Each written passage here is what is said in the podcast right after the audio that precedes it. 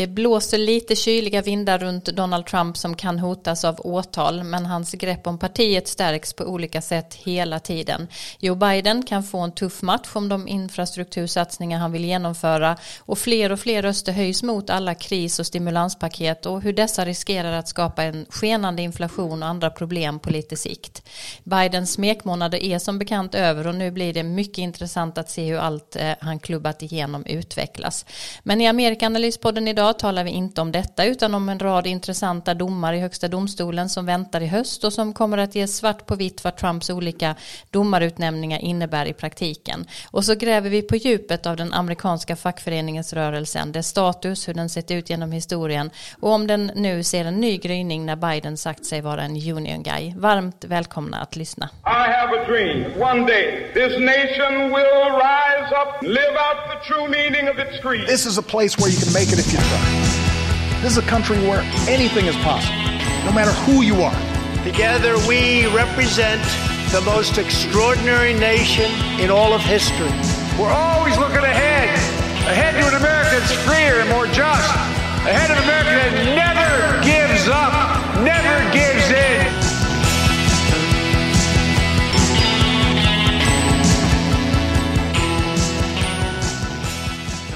Ja, varmt, varmt välkomna till ännu ett avsnitt av Amerikanalyspodden. Podden för dig som vill ha det där lilla extra och lite nördiga kunskapen om saker som händer i det amerikanska samhället och i den amerikanska politiken och som gärna vill förstå, eh, för sätta in detta i ett historiskt sammanhang eh, också. Med mig är som alltid Karin Henriksson och Dag Blank. Hej på er. Hej. Hej hej. Hur har ni det? Bra. Det är bra här också. Ja, ni, ja det, har vi, det frågade vi förra gången om ni var vaccinerade. Du Karin är ju det dubbelt upp vet Ja. jag. Och Dag, är du Ja. klar med din vaccination?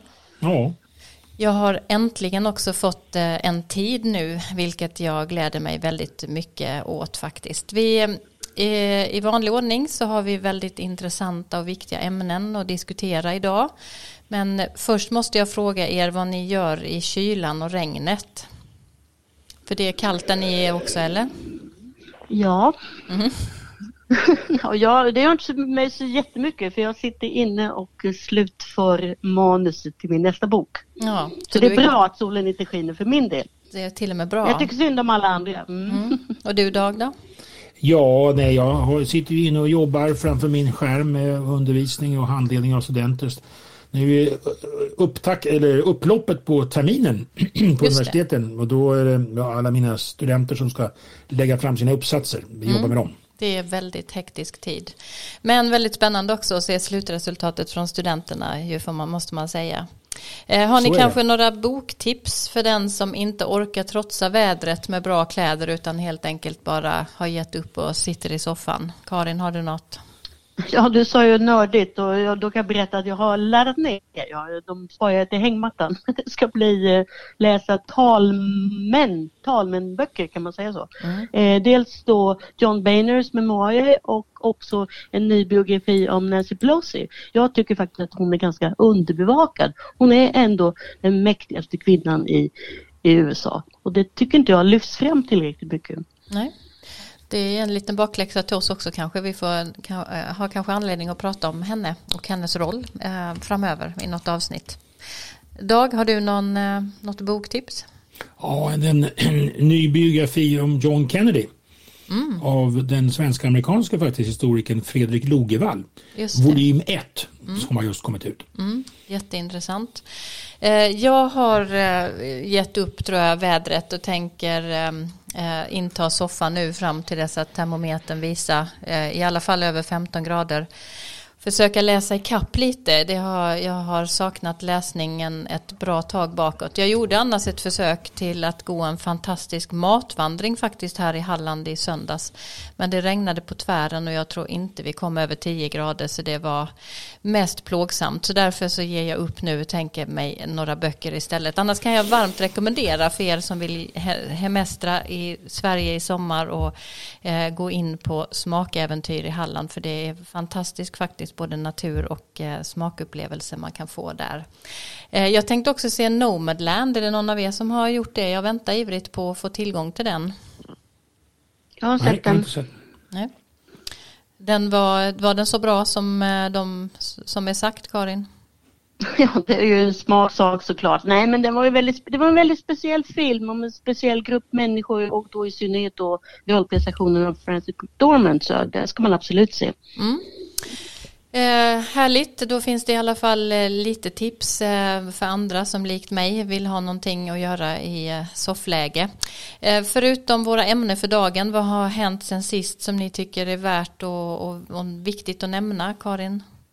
Ja, det händer ju saker hela tiden. Jag skulle kanske nämna då att Joe Biden har tagit tag i den här frågan eller ryktet eller spekulationerna eller de sanna uppgifterna om huruvida viruset verkligen kom från det här laboratoriet i Wuhan.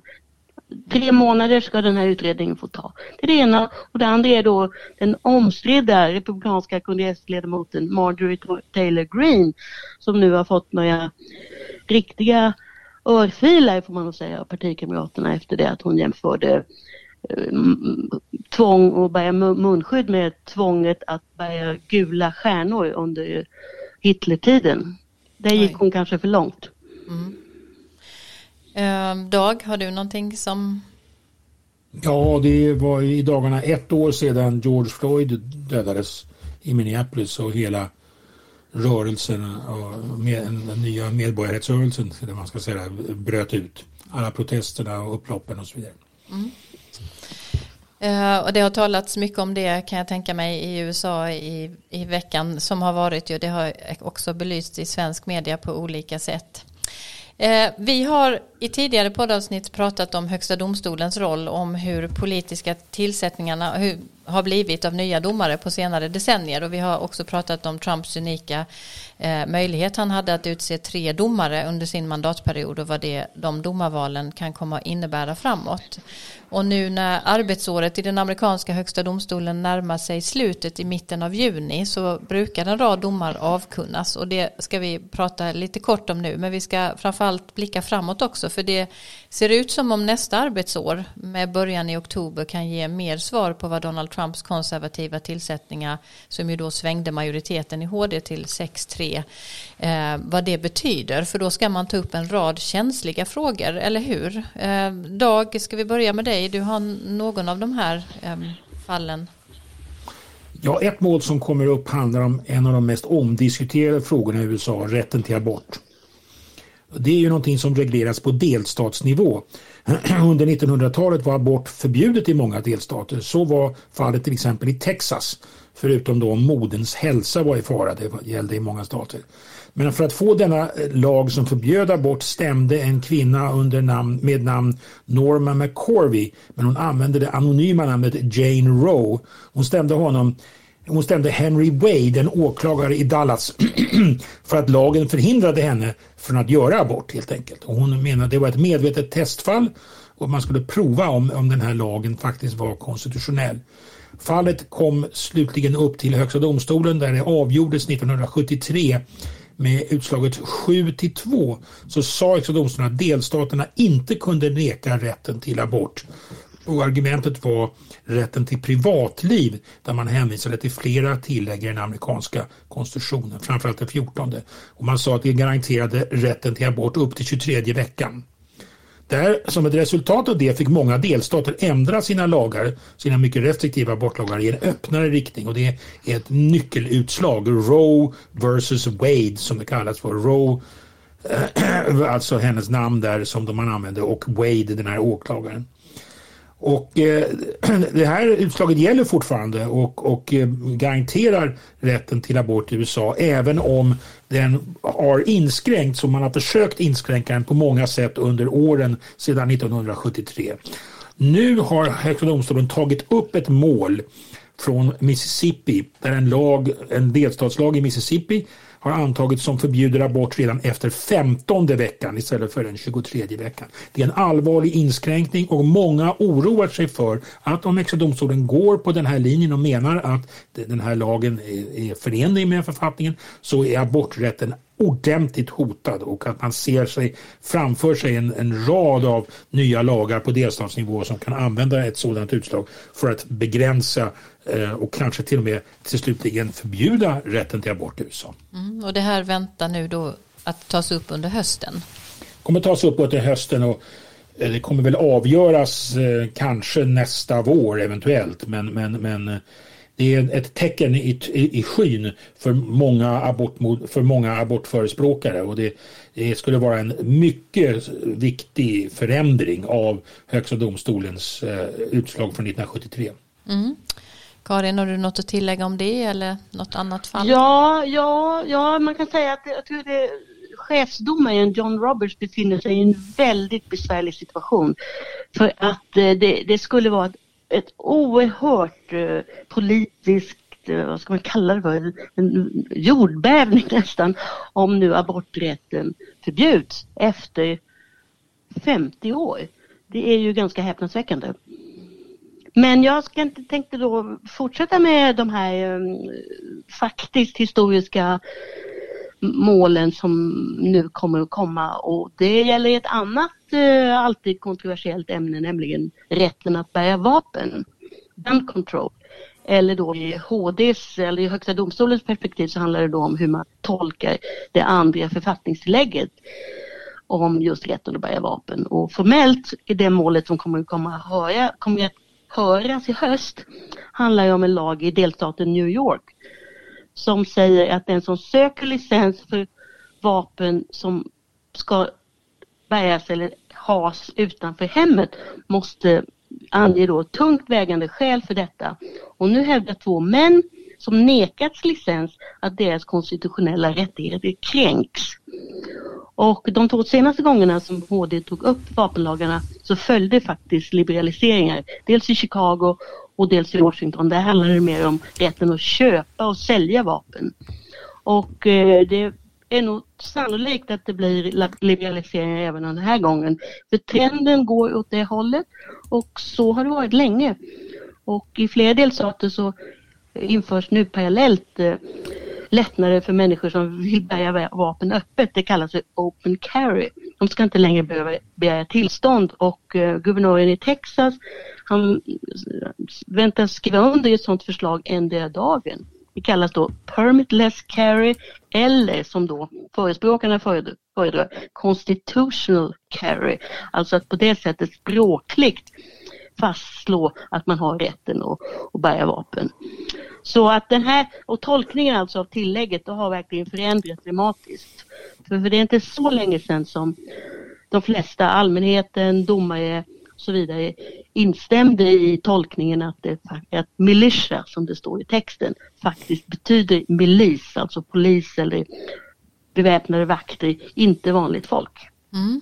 Det är jätteintressant det här och, och, faktiskt också tror jag för många eh, förvånande att det går i den här riktningen med tanke på att vi eh, när något händer, något, eh, någon massskjutning eller något annat allvarligt i USA kring detta så hör vi hela tiden talas om att man ska skärpa vapenlagar och det ska bli svårare och svårare. Men det du säger här nu är ju det motsatta faktiskt. Ja, och mm. som sagt det är väldigt starka krafter som, som går emot de här eh, kraven. Då. För, stora, för I samhället finns det faktiskt en opinion för att man ska ha bättre kontroll av vem som köper vapen. Men det är ju nu, i år har det varit en otrolig massa massskjutningar om man kan säga så. Mm. Så där är Joe Bidens löften och många andra med honom som säger att man ska verka för eh, skärpta lagar, de har, jobbar verkligen i motvind, eh, som du säger här. Jag tänker också på det här, finns du, du, du, nämnde här att det inte är helt osannolikt att det verkligen blir så här den här gången, att eh, ytterligare liberaliseringar. Eh, finns det någon indikation på hur det kommer att kunna bli vad det gäller just abortfrågan som, som Dag pratade om? Nej, det har jag nog inte sett. Men det är lite samma sak där, att eh, allmänheten är för att eh, aborträtten ska finnas kvar. Men de kan tänka sig då inskränkningar, typ att man måste vänta, att, vi, eller, att det måste ske senast en viss vecka och så. Mm. Vi kommer givetvis att komma tillbaka till detta. Det är ju oerhört intressanta fall och, och viktiga frågor på så många sätt. Men för den eh, vetgirige och intresserade lyssnaren, hur följer man bäst detta och de diskussionerna som går? Är det några speciella källor som man kan använda för det? Ja, om man vill, om man är, återgår till ordet nörd, om man verkligen vill veta vad som pågår i, i Högsta domstolen så kan man kolla en sajt som heter Scotus eh, blogg. Det är en blogg som kallas för som Scotus blogg. Där tar de upp alla mål, de analyserar och de har ett kalender över vad som kommer hända och så. Men själva aborträtten, det gäller nog att bara knappa in abortion så dyker det upp alla inlägg som bara finns. Mm. Och det finns ju även någonting som heter Gutmarker, tror jag det uttalas, institut som följer den här frågan väldigt mm, ordentligt. Mm. Jätteintressant eh, och oerhört spännande faktiskt eh, om man nu kan använda det ordet. Men nu lämnar vi det och så går vi över till någonting annat.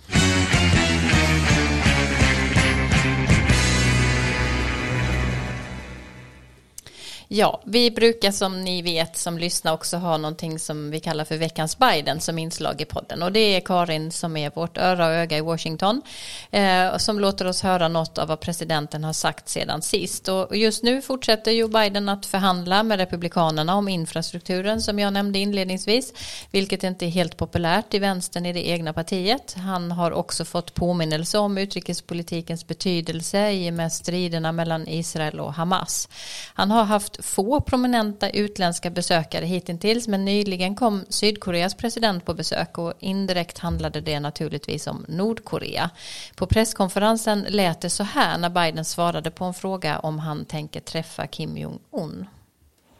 What I never do is I never make a judgment what a man or woman is going to do or not do based on what they said. Um, we'll see if he made any commitment, and I would meet with him, and if there was a commitment on which we met, And the commitment has to be that there's discussion about his nuclear arsenal. And if it's merely an, a means by which, how do we de escalate what they're doing? Um, and so, if that was the case, I would not meet unless there was some outline made that my Secretary of State and others would have negotiated as to how we would proceed. But what I would not do is I would not do what had been done in the recent past. I would not give him all that he's looking for as uh, national, international recognition as legitimate And, uh, and say and give them ja, det var ett utdrag av eh, Biden här. Vad sa han, Karin? Ja, det han sa nu på slutet var ju en tydlig pik till Donald Trump som um, höll flera toppmöten med King, Kim Jong-Un och han talade ju till och med om kärleksbrev och att de hade förälskat sig i varandra. Men sen hände ingenting egentligen utom att eh, Nordkorea av allt att döma fortsätter med kärnvapenprogram och Trump fick inget fredspris. Och Joe Biden, han ville då markera att han är en helt annan typ av president än Donald Trump. Han är inte emot att träffa ledare från andra länder, men han tänker inte göra det utan att ha rådgjort ordentligt med sina utrikespolitiska experter, som till exempel utrikesministern. Och han tänker heller inte sätta sig vid förhandlingsbordet utan en fastställd plan. Och i det här fallet är ju det då målet att den koreanska halvön ska bli kärnvapenfri. Mm. Eh, spännande. Tack eh, för det. Eh, vi lär komma tillbaka till eh, Bidens utrikespolit och, eh, utrikespolitik också i podden framöver. Men nu till veckans fördjupningstema.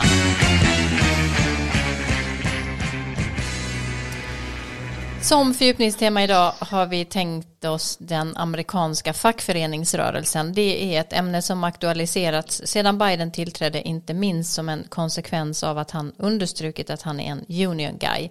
Eh, och fick också många röster från fackföreningsanslutna. Som vi har talat om många gånger tidigare så rör sig ju även hans parti i en vänsterriktning med ett fokus på skäliga arbetsvillkor för vanliga arbetare. Men hur står det till med facket i USA idag och vilken roll har facket spelat i det amerikanska samhället historiskt. Det ska vi gräva djupare i nu. Först ska vi höra lite igen vad Biden själv har sagt om nu just om fackför, fackföreningens betydelse.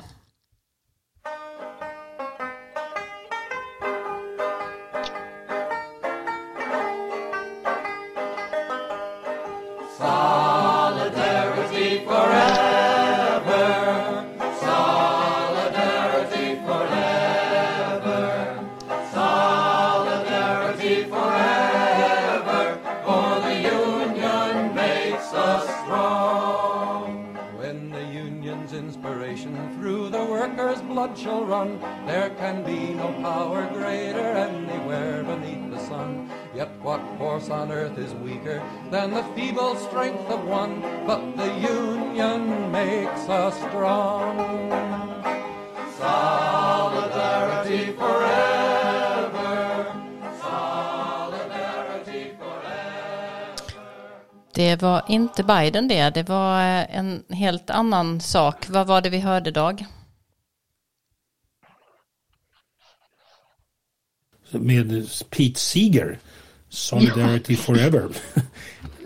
Biden sjunger inte så bra tror jag. Nej. Eh, Han nej. spelar nog inte banjo framförallt va? Nej, Nej, han det, kanske borde. det var överraskande. Jag blev själv förvånad över ljudet här. Jag vet inte riktigt var det kommer ifrån eller när vi skulle ha det. Men eh, de amerikanska fackföreningarna spelar ju inte alls samma roll som sina motsvarigheter i Sverige. Så Dag, igen, kan du börja med att säga någonting om den historiska bakgrunden till det amerikanska facket? Ja, som du säger så är skillnaderna mellan amerikanskt fack och svenska facket väldigt stora. Det finns en del paralleller historiskt men, men idag är det ju väldigt stor skillnad på den roll de spelar. De första fackföreningarna i USA uppstod vid mitten av 1800-talet då industrialiseringen av landet kom igång. Det finns, har funnits olika organisationsformer, eh, olika föreningar men Den mera moderna fackföreningsrörelsen kan man spåra tillbaka till American Federation of Labour, AFL, som fortfarande finns kvar idag hopsammanslagen med en annan organisation, CIO. Så AFL-CIO är, är, är förkortningen för det amerikanska facket. AFL grundade, det var den första av de två, grundades 1886 och ledde länge av den legendarie Samuel Gompers. Mm. Eh, vad hade facket eh, för krav? Ja, vid den här tiden handlade det förstås om löner men också om arbetsvillkor. Det här är kampen på en åtta timmars arbetsdag blev väldigt centrala och det var ju inte unikt för USA. Och kampen, den fackliga kampen intensifierades under 1800-talets sista årtionden då konflikten mellan arbete och kapital var väldigt hård i USA. Det är ju under den här tiden som den amerikanska industrin, stora tillverkningsindustrin växer kraftigt. De stora industristäderna växer fram, massor av invandrare och arbetare söker sig till dem och eh, de stora företagen och de stora monopolen uppkommer. Man brukar tala om vid slutet på 1800-talet om rövarbaronerna, the robber barons som ledde stora och mycket framgångsrika företag. Namn som John Rockefeller, Andrew Mellon, Andrew, Andrew Carnegie och Leland Stanford är, är några av de här namnen. Och klyftorna mellan eh, fattiga och rika i USA ökar mycket och ett industri proletariat växer fram. Man kan notera av de här eh, baronerna, rövarbaronerna, vi känner igen deras namn idag också genom de stora filantropiska stiftelser som de skapade. Rockefellerstiftelsen, Mellonstiftelsen, Carnegiestiftelsen Carnegie-stiftelsen och Leland Stanford, grundaren av Stanford University, ett av världens bästa universitet. Det är också något mycket eh, amerikanskt. Men konflikterna blev mycket hårda och mycket starka i slutet på 1800-talet. Mm. Tog de sig uttryck på något annat sätt? Ja, strejker blev mycket vanliga. De kunde bli långdragna och dessutom våldsamma i konfrontationer mellan strejkande, företagen och polis. Och strejkbrytare sattes in och stora våldsamma eh, konfrontationer uppstod. En mycket välkänd händelse är Haymarket-upploppen i Chicago i maj 1886 det hade varit en demonstration som där, i stöd då för en strejk för åtta timmars arbetsdag där polisen hade skjutit mot strejkande. Eh, den, den, under den här demonstrationen så kastades en bomb mot polisen och en konfrontation följde med ytterligare skottlossning och döda och skadade bland både polis och arbetare. Det ledde till en mycket uppmärksammad rättegång där ett antal anarkister ställdes inför rätta i Chicago som ansvariga för detta upplopp i Haymarket och faktiskt så avrättades fyra anarkister eh, eh som en resultat av denna, eh, denna rättegång och detta Haymarket-upplopp. Så det är en av mycket, mycket välkänd eh, händelse i amerikansk arbetarhistoria. Mm. Ja, och det är ju då, ja precis, det, det är ett faktum alltså att eh, första maj, helgdagen eller arbetarnas dag, tillkom faktiskt som en följd av Haymarket-händelserna. Och eh, i USA då så firar man ju första maj på hösten för att det inte ska liksom sammanblandas med kommunismen. Men ehm, och det, nu för tiden är det mer en, en vanlig helgdag som markerar slutet på sommaren och folk är ute på picknick. Men demokratiska politiker och fackförenings eh, eh, representanter är naturligtvis ute och, och mobiliserar och argumenterar och det är då man sjunger, sjunger den här refrängen i Pete Seeger-sången Solidarity Forever. Den sätter jag på igen nu så får vi höra lite av den igen. För det var här vi skulle ha den. Um, som vi hör i bakgrunden. Um, det låter ju högtidligt med solidaritet i all evighet men hur står det till med fackets möjlighet att förverkliga sina krav i USA, Karin? Ja, tyvärr är ju det korta svaret inget vidare. Och jag kan dra lite statistik här så håll i hatten som man brukar säga att um, det är bara runt eh, 11 procent eller knappt 11 procent av den totala arbetskraften i USA som är medlemmar i facket. Och det motsvarar 16 miljoner amerikaner. Och kräftgången har pågått i åratal med en liten paus i slutet av 80-talet och början av 90-talet när det var en mer medveten policy i några av fackföreningarna att satsa på medlemsvärvning mer än på politisk aktivism. Och eh, ett par dynamiska ordförande ett par av de här fackförbunden, de vände sig dessutom till folk som jobbar i offentlig sektor. Och där är anslutningsgraden högre än privata företag. Det är något som Dag kommer att ta, ta upp lite senare. Och facket är starkast i de gamla industristaterna i nordöst. Men de här, en del av de här branscherna har ju förändrats så att då tidigare mycket starka fackförbund som bilarbetarna eh, i UAW och stålarbetarna i USW, de har det kärvt. Och sen har då mer än hälften av delstaterna infört så kallade right to work-lagar. Och det låter ju fint men det betyder i själva verket att eh, facket måste när facket förhandlar fram förmåner så måste de gälla alla, även icke-medlemmar. Och det betyder ju då att facket har mindre pengar. Mm. Um, jag eh, vill gärna ha lite cred för detta för jag har alltså under tiden ni pratat nu laddat över det där ljudet som vi skulle ha inledningsvis av Joe Biden när han talar om facket. Och jag vill då påpeka att jag är ju liksom inte tekniker egentligen utan någonting helt annat. Så att eh, jag tänker att vi faktiskt, eh, eftersom jag förhoppningsvis lyckats med detta nu, eh, tar och lyssnar på det som vi skulle höra inledningsvis och så ska du få säga någonting sen Karin om, om det blir någon ändring nu med Biden i Vita huset. Unions put power in the hands of workers. They level the playing field. They give you a stronger voice for your health, your safety, higher wages, protections from racial discrimination and sexual harassment. Unions lift up workers, both union and non union, and especially black and brown workers. Ja, vet inte om du vill kommentera det här först och kanske du också Dag eh, och sen prata lite om just om det blir någon ändring med, med Biden i Vita huset nu. Ja, det hör man ju. Ja. Att... Ja, varsågod Karin. Ja, jag bara tänkte säga att det här som man säger, säger om, om att facket är viktigt för folks välmående och välstånd. Det är någonting som man kommer tillbaka till om och om, om igen. Alltså, Han säger det medelklassen som byggde Amerika och facket som byggde medelklassen. Mm. Och Dag, vad tänker du om det här uttalandet han gjorde här? Ja, alltså man kan ju säga det att han är ju en, en union guy så att säga hela sitt liv. Hans far, han talar ofta om sin far som jobbade i Scranton och var med i fackföreningarna. Han tillhör den här lite äldre traditionen av demokratiska union guys. Och han understryker ju då väldigt starkt eh, dess betydelse och han talar om de också förmåner som finns på arbetsmarknaden. Och så är det ju, det vet vi att många sjukförsäkringar och pensionsvillkor och många andra sociala eh, villkor i USA kommer ju genom arbetet. Inte minst sjukförsäkringarna är ju ofta knutna till arbete och där har ju då när det finns fackföreningar så kan ju de ha en väldigt viktig roll att förhandla fram bra avtal, kollektivavtal för sina medlemmar som också då påverkar eh, eh sådana saker som sjukförsäkring och pensionsvillkor villkor och annat. Och det tror jag Biden är noga med att understryka, den roll facket spelar där. Han var ju också, man hörde där, han, han talar om att här vill det, är inte bara white workers utan också att facket är viktigt för att diskriminera, motverka diskriminering av svarta, brown, black and brown workers talar han ju om där. Så han vill få fackföreningarna att vara så inkluderande som möjligt det, och det är i alla fall hans linje där. Mm. Det är ju vackra ord, men eh, vad säger vi om den, det blir någon en verklig förändring, Karin? Ja, det får vi naturligtvis se, men Joe Biden la faktiskt fram, faktiskt fram ett direktiv eh, med tydliga signaler om att facket ska stärkas eh, och det gäller då i federala sektorn som är den enda som han egentligen kan påverka.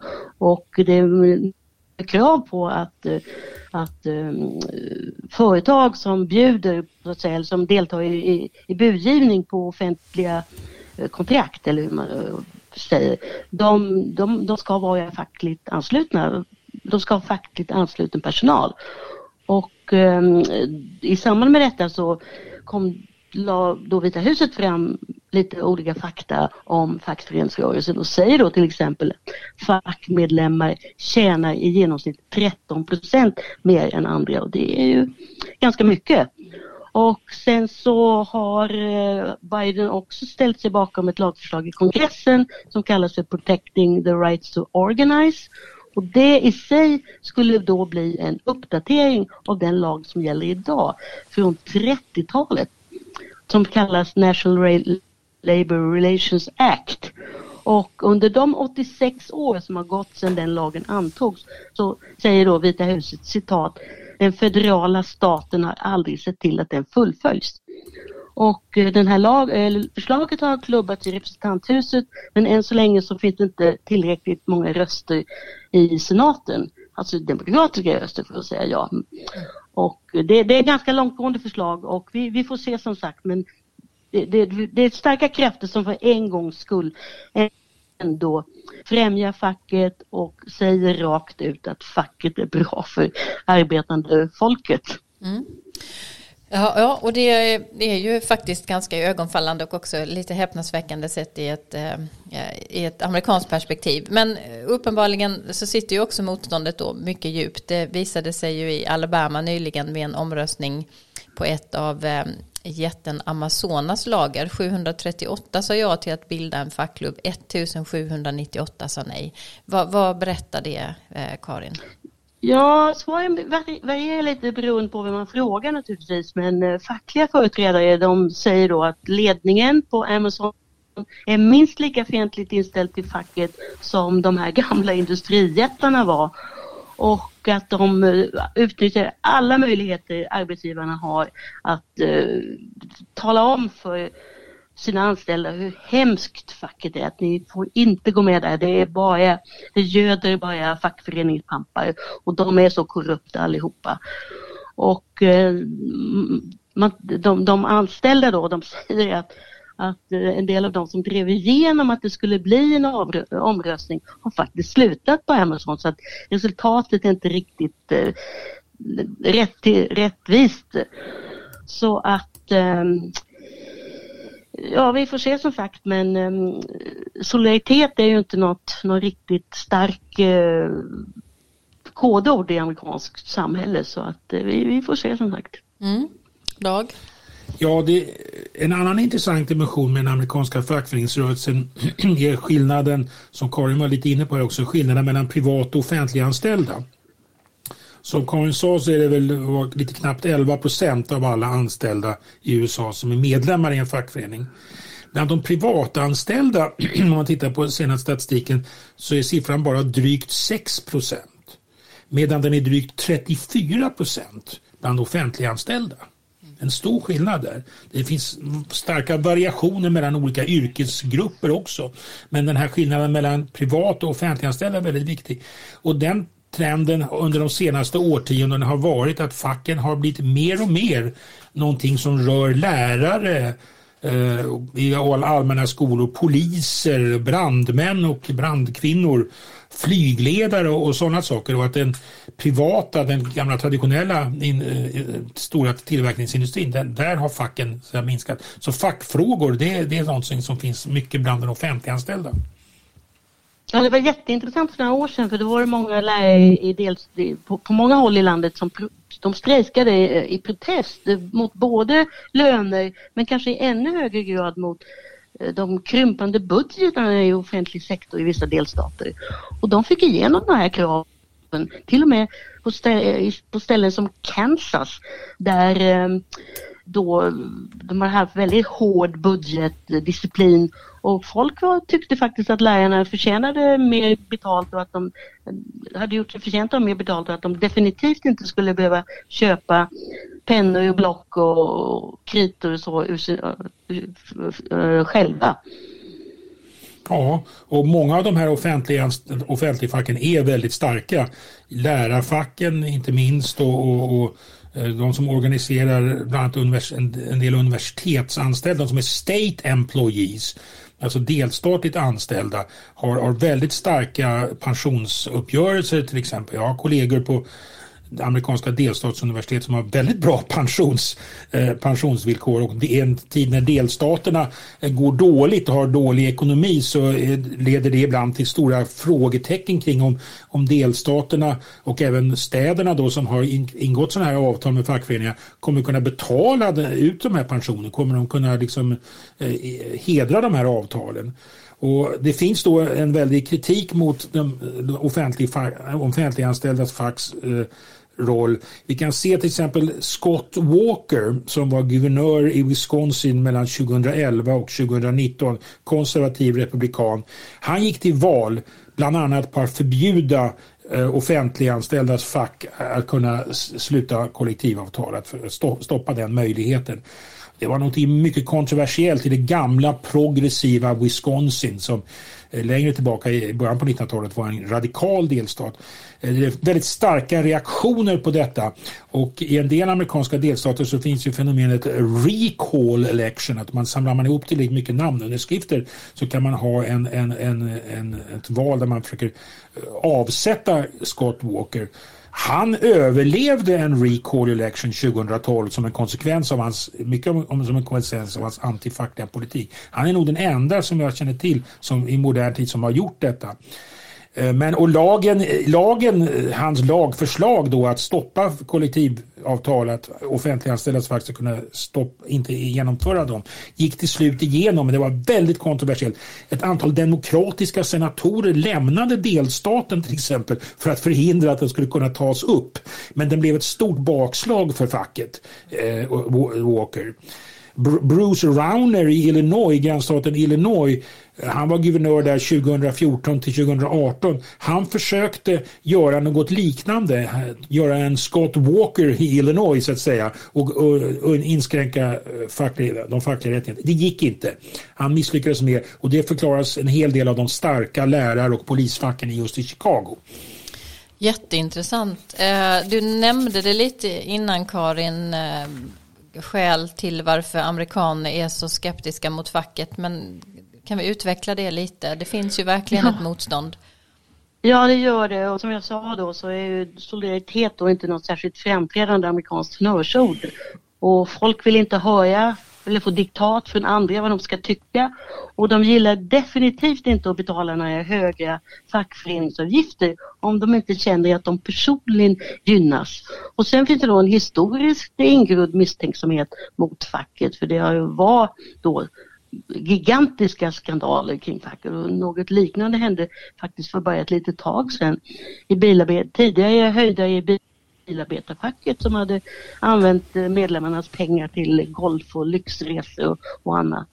Och det finns ju då namn som Jimmy Hoff och så vidare. Men ett av problemen, eller kan man också säga då, liksom om offentliganställda har fina pensioner, borde inte alla ha det då? Så att, men den, den, den kopplingen görs så sällan. Mm. Berättelsen om facket har verkligen blivit en negativ berättelse också på många sätt. Vad, vad säger du Dag? Ja, precis som Karin säger. Alltså, men det finns ju, man kan säga ibland tänker jag, det finns två dimensioner i det amerikanska samhället. Å ena sidan en mycket stark betoning av individens ställning, att det är upp till individen att klara sig själv. Och att eh, solidaritet, eh, det, det, det, det, det, det prioriteras ner. The self-made man som ideal och en skepsis som en stat som lägger sig i. Va? Å andra sidan finns ju också i den amerikanska samhällsutvecklingen en stark tradition av vad på engelska kallas för community. Att man ändå ska agera tillsammans på olika sätt och förlita sig på lojalitet och stöd från olika grupper som man är del av och engagerar sig i. Man kan tänka sig på etniska grupper, de olika invandrargrupperna som man stödjer. Man kan tänka sig på kyrkor, den roll de spelar, olika, olika föreningar. Så de här två tendenserna finns närvarande i amerikanska samhället. Den väldigt starka betoningen av det individuella men också den här community, kommunitära känslan. Och de finns närvarande och det tror jag förklarar både stödet och icke-stödet för facket. Mm. Spännande. Eh, vi håller på att sätta rekord för Amerikanalyspodden idag genom att eh, ha ett ovanligt kort avsnitt och ändå har ni hunnit med att få fram så oerhört mycket om eh, fackföreningsrörelsen vilket ju är jättebra. Men det innebär att vi hinner med det som vi brukar försöka få med men ibland inte får lämna därhän på grund av att tiden går, nämligen bortglömda nyheter. Vi brukar försöka fånga upp sånt som har försvunnit lite i flödet och eh, som ändå känns väldigt viktigt av olika anledningar. Eh, och ehm, vad skulle du vilja nämna då Karin eh, sedan sist? Ja, det kanske egentligen inte är någon nyhet utan det är mer en förstärkning av nyheter som kommer hela tiden. Nämligen hur otroligt långt ifrån varandra partierna står i fråga efter fråga faktiskt. Det kommer mätningar hela tiden. Och nu ser man att det här sprider sig liksom neråt i, i samhällsnivåerna.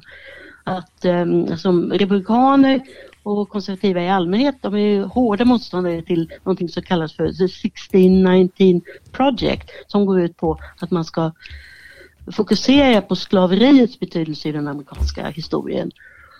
Och eh, det, då, det uppfattar man ju där som politiskt korrekt eller woke som man säger nu för tiden. Och då talar man där istället om att skolor, allmänna skolor borde istället prioritera vad de kallar för 1776-projektet, alltså när, med självständighetskampen mot eh, det brittiska moderlandet under kolonialtiden. Det är en typisk signal om att man vill börja historien där den vite mannen eh, agerar kraftfullt. Så det tycker jag är ganska talande. Mm. Och just det här med hur långt eh, ifrån varandra man står och hur polariserat USA är eh, pratade ju Steven Shear om eh, Dag på ett intressant seminarium som anordnades eh, av Sinas i Uppsala i förra veckan. Eh, och där pekade han ju bland annat just på att förtroendesiffrorna för Biden från republikanskt håll är, är lika förfärande låga som det var från demokratiskt håll gentemot Trump, eller hur? Kan, kan du säga något om det?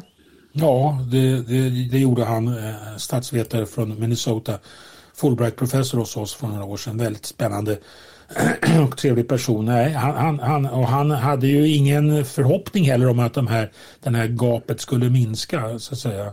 Och precis som det här, Karin tar ett bra exempel här just i kampen om historien. Va? 1619 då slaveriet kommer till de engelska kolonierna 1776, amerikanska självständigheten. Det är två helt olika berättelser och det blir en del av de här kulturkrigen eh, så att säga, som, som, och kampen och diskussionen om vad Amerika egentligen är. Och vad är, det, vad, vad är det man ska sätta i fokus? Det hörde vi ju hos Trump. Vi minns ju Trump när han framträdde eh, med ett fjärde juli-tal eh, vid, vid Mount Rushmore och, och, ville skapa en ny park av statyer av de rätta, rätta hjältarna, de rätta personerna. Det, det visar hur historien ständigt är närvarande i USA. Historien är ständigt närvarande med oss, säger jag som historiker. Men mm. ibland brukar man lite skojsamt, eller när jag säger att jag har hållit på med amerikansk historia, då säger folk ja men det är en väldigt kort historia. Det går mm. fort att göra.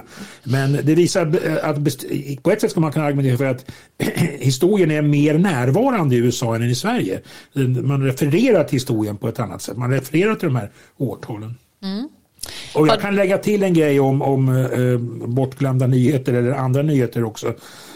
som har att göra med samma sak, den här polariseringen. Det är om vaccineringen som ju vi alla eh, tänker på nästan dagligen hur det går med vaccineringen.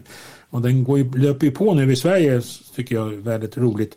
Och eh, i USA så är, har den ju kommit längre men eh, det finns en kamp om vaccineringen som utspelar sig på universiteten. Jag hör det från mina bekanta och kollegor på amerikanska colleges och universitet. Och där är en fråga då om man ska ställa krav på att studenterna och även de anställda eh, ska vara vaccinerade när det nya läsåret börjar i september. Augusti-september. Ska man kunna säga det att ja, för att kunna komma tillbaka till universitetet på campus och, och bo i dorms och delta i livet ska vi vara vaccinerade. En del gör det, en del gör det inte. Och tittar man på de delstatliga universiteten, alltså de allmänna universiteten, så är det en mycket stor skillnad mellan de blåa och de röda staterna. Mellan republikanskt dominerade och demokratiskt dominerade stater.